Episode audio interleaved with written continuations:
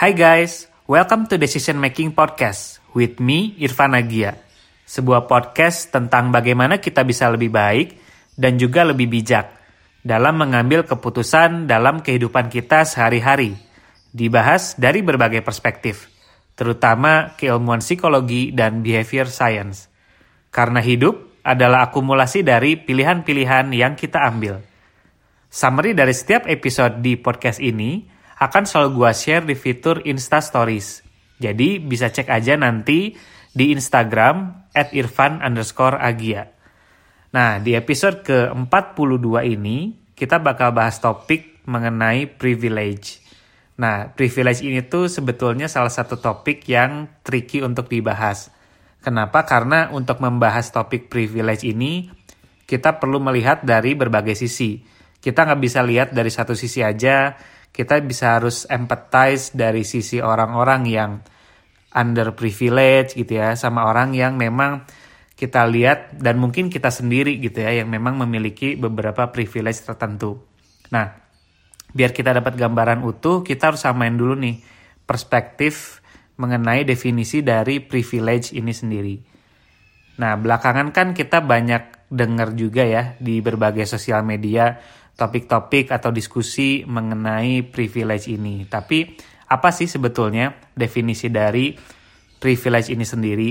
Jadi kalau dari KBBI atau Kamus Besar Bahasa Indonesia, privilege ini tuh artinya secara etimologi itu adalah hak istimewa gitu. Jadi bahasa Indonesia itu menyerap kata dari privilege itu dari Belanda. Dan dari bahasa Latin privilegium itu yang artinya adalah hukum yang berpihak atau berlaku kepada individu tertentu. Gitu. Jadi uh, kalau bisa disimpulkan ini mungkin dalam beberapa kata atau dua kata hanya hak istimewa. Gitu. Jadi privilege ini kalau dari segi uh, sudut pandang tata bahasa yaitu adalah hak istimewa. Nah persepsi tentang hak istimewa ini sendiri bisa mengacunya sama banyak hal.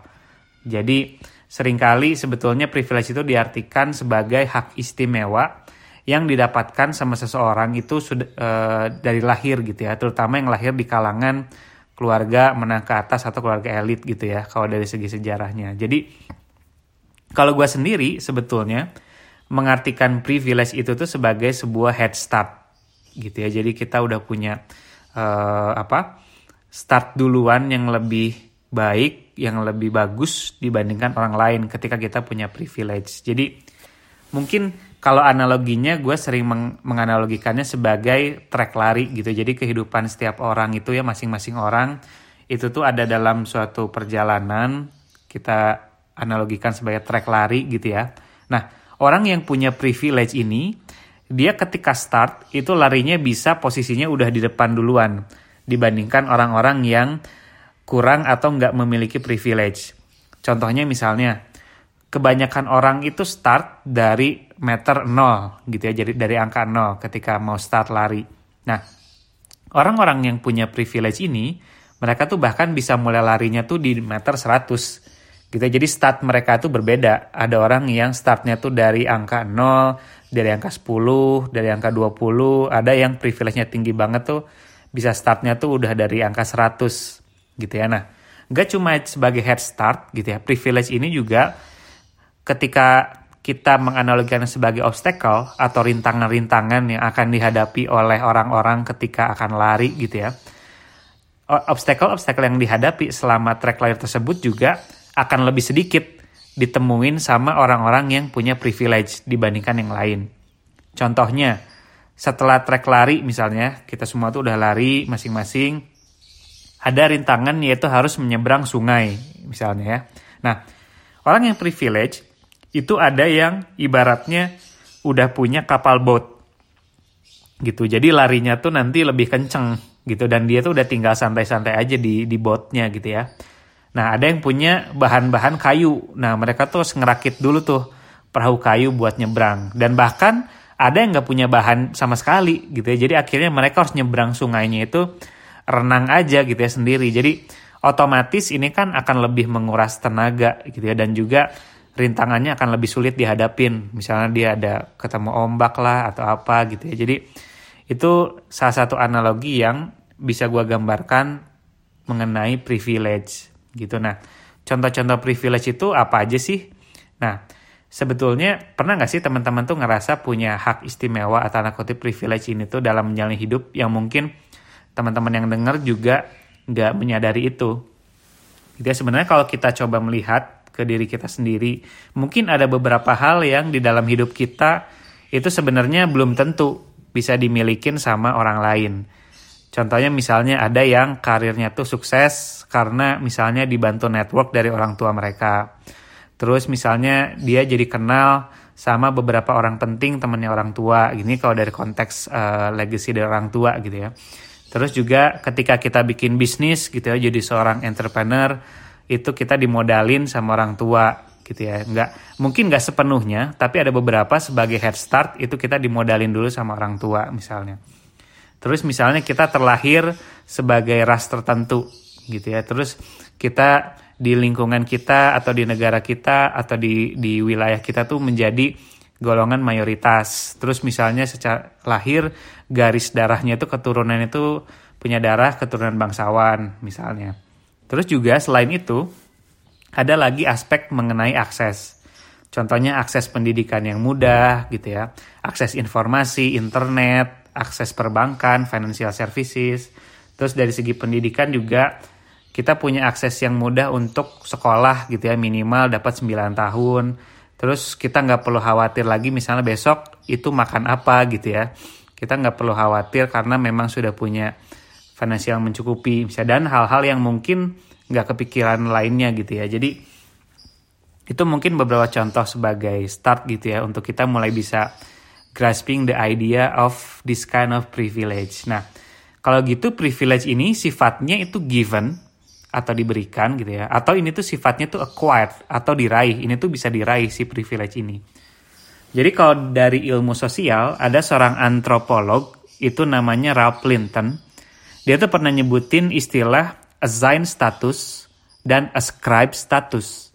Nah, kalau assign status, ini tuh artinya status yang dimiliki sama seseorang karena tuh dia lahir dari golongan tertentu.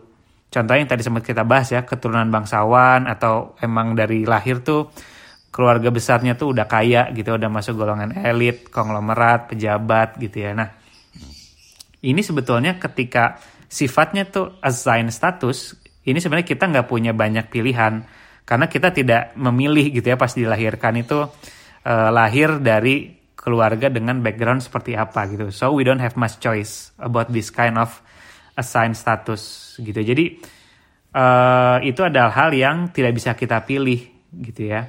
Sementara itu yang kedua adalah namanya ascribe status. Kan kalau yang tadi assigned status ini yang kedua adalah ascribe status. Nah ascribe status ini tuh dimilikin karena usaha seseorang itu dan gak ada hubungannya dengan keturunan dia gitu dia nggak dia tuh bukan keturunan orang kaya bukan keturunan orang e, pejabat atau konglomerat gitu ya tapi dia juga bisa punya status tinggi karena e, usaha mereka gitu ya. Jadi bisa dibilang privilege juga tetap berlaku bagi orang-orang e, yang sebetulnya khususnya sorry khususnya pada yang assign status tadi nah Meskipun sebenarnya setiap uh, ascribe dan assign status itu tuh udah punya definisinya masing-masing, si Linton ini sendiri, si antropolognya juga mengakui kalau pada prakteknya gitu ya, di kehidupan kita sehari-hari akan sulit untuk menentukan si status seseorang. Apakah dia ini tuh privilege karena memang backgroundnya gitu ya, atau memang karena dia berusaha sendiri gitu ya. Apakah seseorang kekayaan atau kesuksesan atau kemudahan hidup seseorang itu didapat karena keturunan atau memang sesuatu yang diupayakan karena bisa banget terjadi itu adalah perpaduan dari keduanya gitu jadi uh,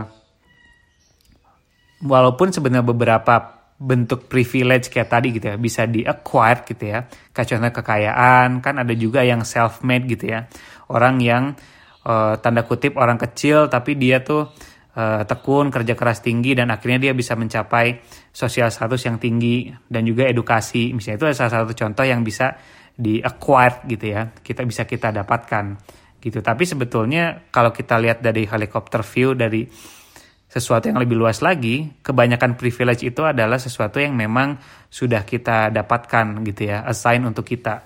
Tanpa kita harus banyak uh, effort untuk mendapatkan hal tersebut.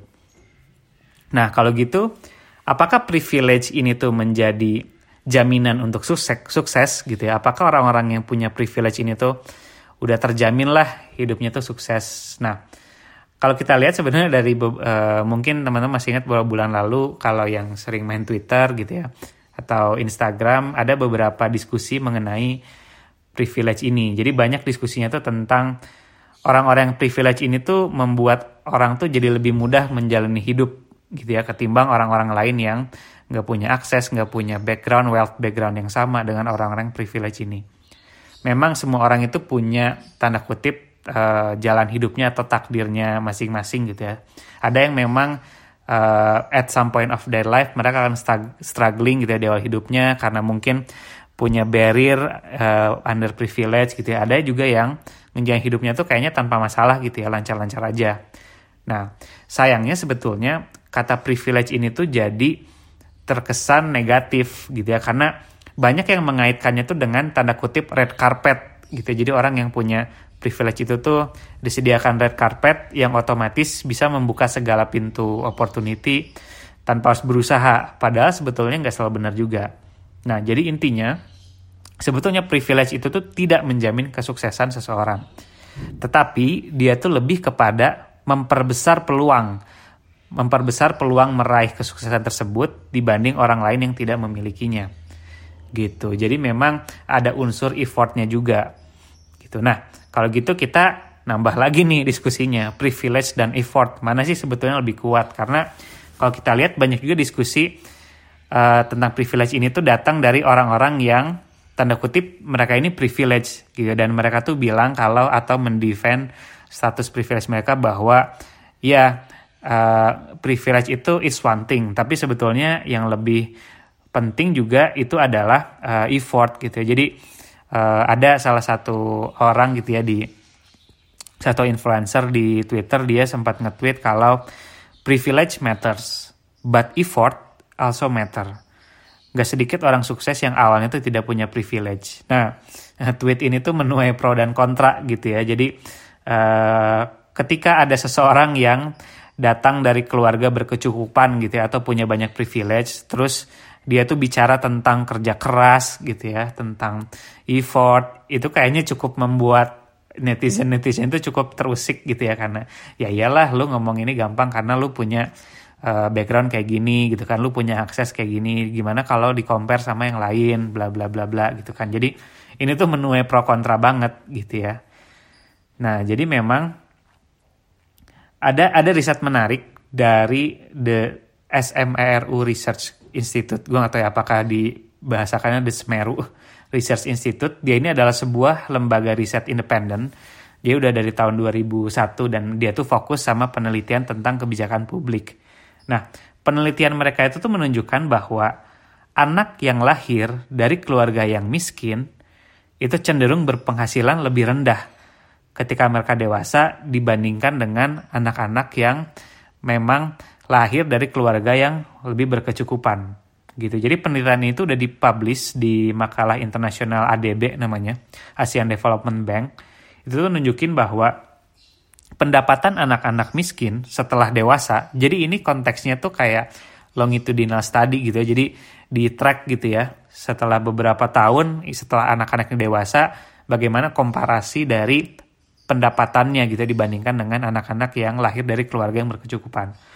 Hasilnya anak-anak miskin setelah dewasa itu 87% lebih rendah pendapatannya dibanding mereka yang sejak anak-anak tidak tinggal dalam keluarga miskin. Gitu. Jadi ada studi yang berjudul Effect of Growing Up Poor in Labor Market Outcomes, itu evidence from Indonesia.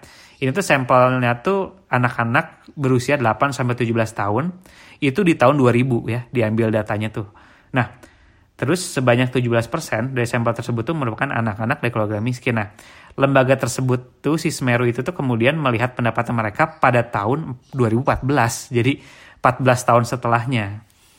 Gitu. Jadi memang hasilnya menunjukkan bahwa uh, lahir di keluarga miskin apakah bisa tetap sukses pada saat dewasa, even ketika mereka effort. Dan ternyata secara hasil dari penelitian mereka sangat jarang terjadi gitu ya. Jadi memang privilege itu juga menjadi faktor yang sangat besar mempengaruhi uh, tingkat kesuksesan dan juga tingkat uh, apa uh, kebahagiaan gitu ya dan beberapa faktor lain. Jadi memang sangat jarang terjadi gitu ya untuk orang yang under privilege ini.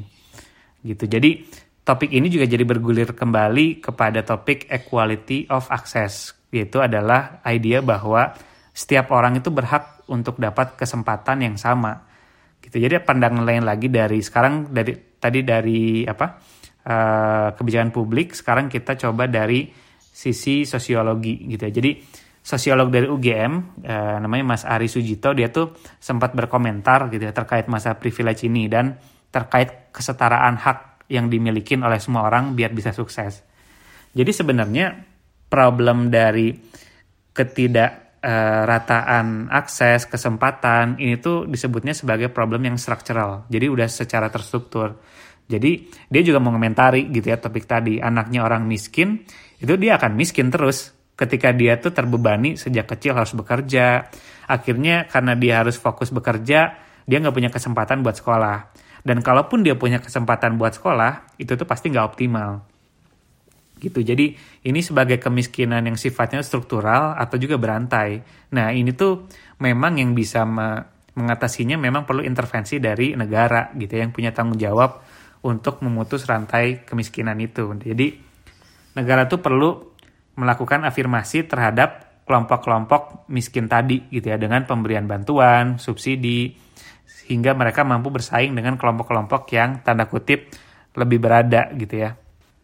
Nah, jadi poin utamanya adalah memberi mereka kesempatan terhadap akses yang sama gitu. Jadi kalau misalnya mereka bekerja keras gitu ya kan kita dari tadi bahas selain dari privilege itu effort gitu ya kerja keras anak-anak ini bisa bekerja keras, berkompetisi, ada hak yang, ada hak yang sama, itu dia besar juga kemungkinan untuk suksesnya. Jadi kecuali kalau dia tuh dia udah bekerja keras, tapi tetap dia selama hidupnya dia tetap harus menghadapi beban struktural tadi, kayak cari akses bantuan susah, internet susah gitu ya. Dan bahkan lebih jauh lagi ada diskriminasi gitu ya. Nah itulah yang melahirkan yang disebut kemiskinan secara sistemik tadi gitu. Nah, dari tadi kan kita udah bahas ya, udah dapat gambaran, contoh-contoh. Sekarang kita dalam posisi misalnya pengen membuat orang-orang yang privilege ini tuh mengerti. Karena kadang kan kita juga uh, kita sendiri mungkin belum ngeh ya atau belum uh, menyadari bahwa kita ini adalah salah satu golongan yang uh, punya privilege gitu. Nah, misalnya kalau kita pengen posisinya itu tanda kutip menyadarkan atau ngasih tahu atau memulai diskusi tentang privilege ini, gimana sih cara awal yang baik untuk membahas atau mendiskusikan topik ini.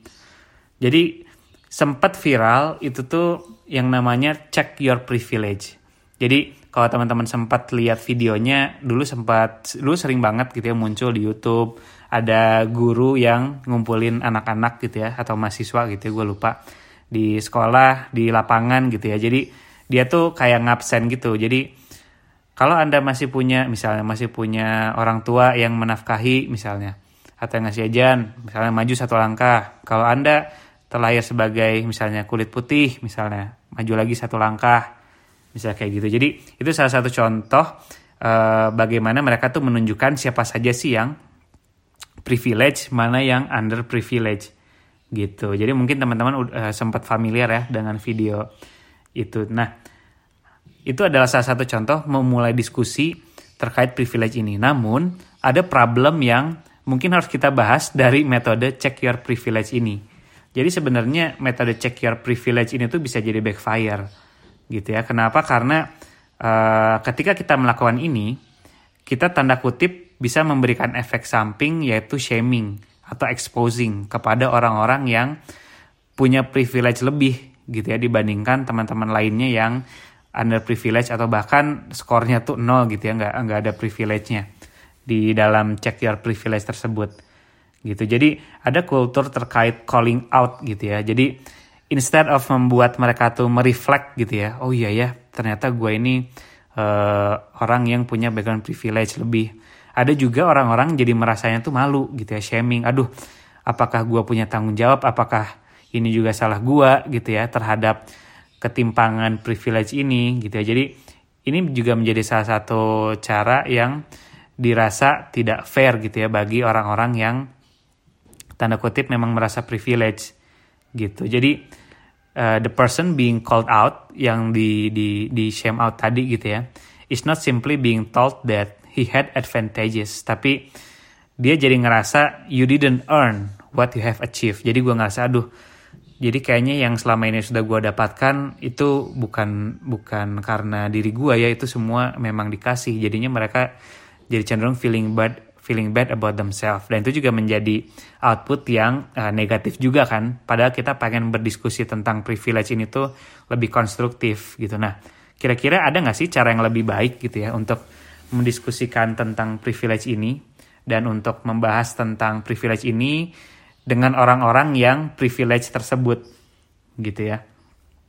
Jadi kalau yang tadi kita bahas itu lebih kepada namanya negative morality. Jadi kayak dengan kita main check your privilege tersebut, itu tuh kesannya kayak you have done something wrong, now fix it gitu ya kayak. Nih lu tuh udah privilege loh, lu nggak lihat teman-teman yang lain itu uh, nggak uh, punya privilege yang sama gitu ya dengan kalian, bla bla bla bla. Itu kan namanya negative morality.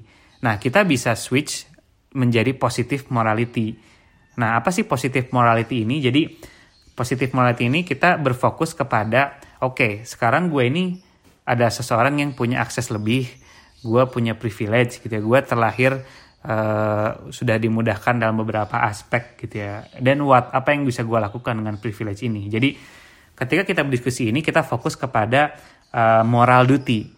Jadi kita bisa bahas bahwa orang yang punya privilege itu punya tanda kutip kewajiban moral juga ya untuk uh, membukakan akses gitu ya atau juga sharing the the the access atau the privilege itself kepada orang lain tidak look down to to others ketika when it comes to effort when it comes to success when it come when it comes to stage of life gitu ya. Jadi dengan itu mereka akan bisa lebih empati gitu ya. Oh iya saya tidak patut nih atau tidak elok untuk uh, misalnya ngomongin tentang kerja keras uh, akses yang mudah kepada orang-orang yang mungkin tidak seberuntung saya gitu ya. Nah, sekarang kalau konteksnya adalah sekarang kita udah ngerasa nih dari dari uh, podcast ini mulai reflecting oh ya kayaknya gue punya banyak privilege nih yang mungkin gak dipunyai orang lain gitu. Nah, sekarang setelah kita menyadari kalau kita ini adalah bagian dari orang-orang yang privilege, uh, what what should I do gitu kan? Nah, yang paling pertama adalah uh, camkan bahwa we're not a bad person gitu ya. Dengan kita punya privilege itu tidak serta merta membuat kita tuh adalah a bad person karena privilege sendiri itu has nothing to do with goodness or badness gitu ya. Ketika itu tuh jadi jadi uh, it comes down kepada uh, orang gitu ya. Jadi ini memang akan menjadi apa ya uncomfortable gitu ya facing our own privilege. Tapi uh, kita nggak bisa run away dari privilege kita gitu ya. The only choice we have is how we engage with the privilege we have gitu ya. Oke, okay, gue udah privilege. Kalau begitu bisa bisa gue gunakan untuk apa nih privilege kita?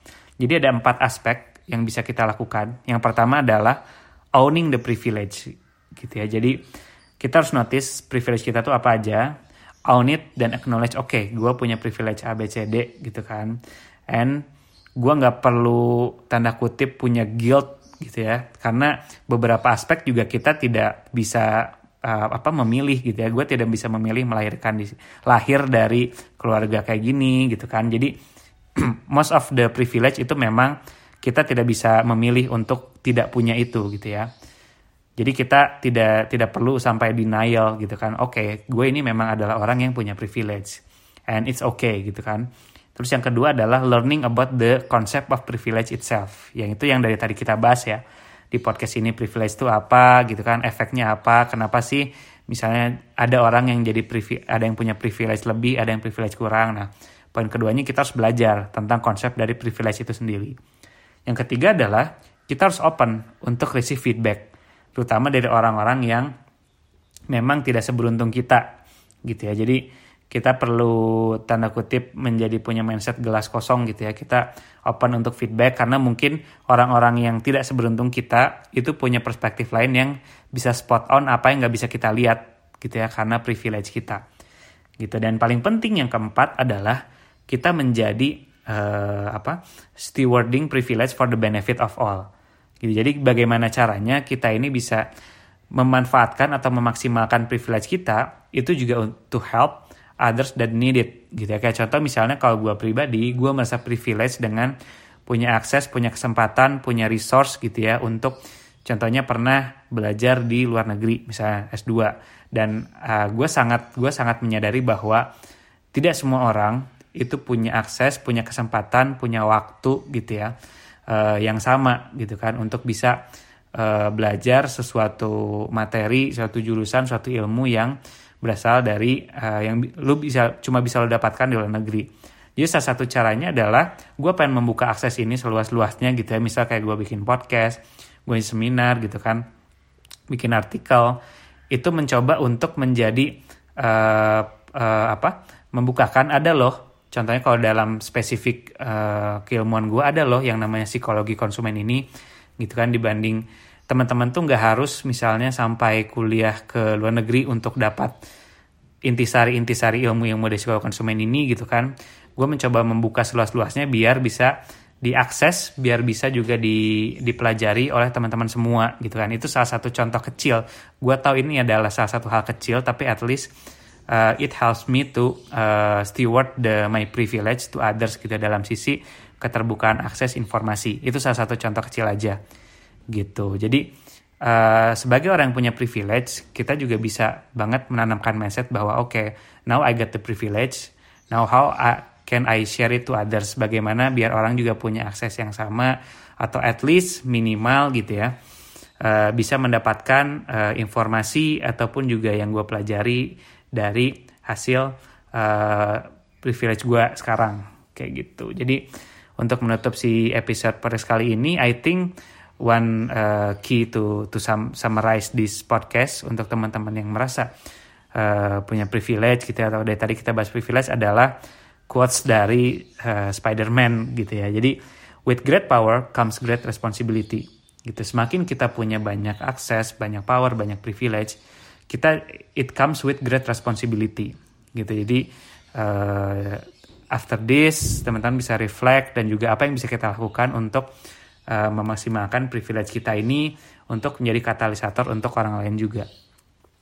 Oke, okay, I think that's all untuk episode di uh, privilege ini. Untuk episode selanjutnya gue bakal bahas topik tentang fame and popularity. Gitu ya jadi tentang famous. Kenapa sih orang itu secara intrinsik itu kayak uh, akan menjadi lebih happy atau juga pengen mencari si popularity ini gitu kan. Ada nggak sih orang yang sebenarnya malah kebalikannya gitu ya nggak mau populer what what's the psychology behind the popularity itself and why it's so compelling gitu ya nah nanti akan kita bahas di episode selanjutnya So, sampai jumpa di episode ke-43. Kalau ada request atau masukan tentang feedback atau masukan terkait topik-topik, boleh banget email atau message gue di Instagram at irfan underscore agia. Kalau teman-teman merasa topik-topik di podcast ini berguna atau memberi wawasan baru, please share it to others. Bisa bagikan link konten podcast ini di Instagram juga. So, sharing is caring. Thank you all for listening. See you in the next two weeks. Bye.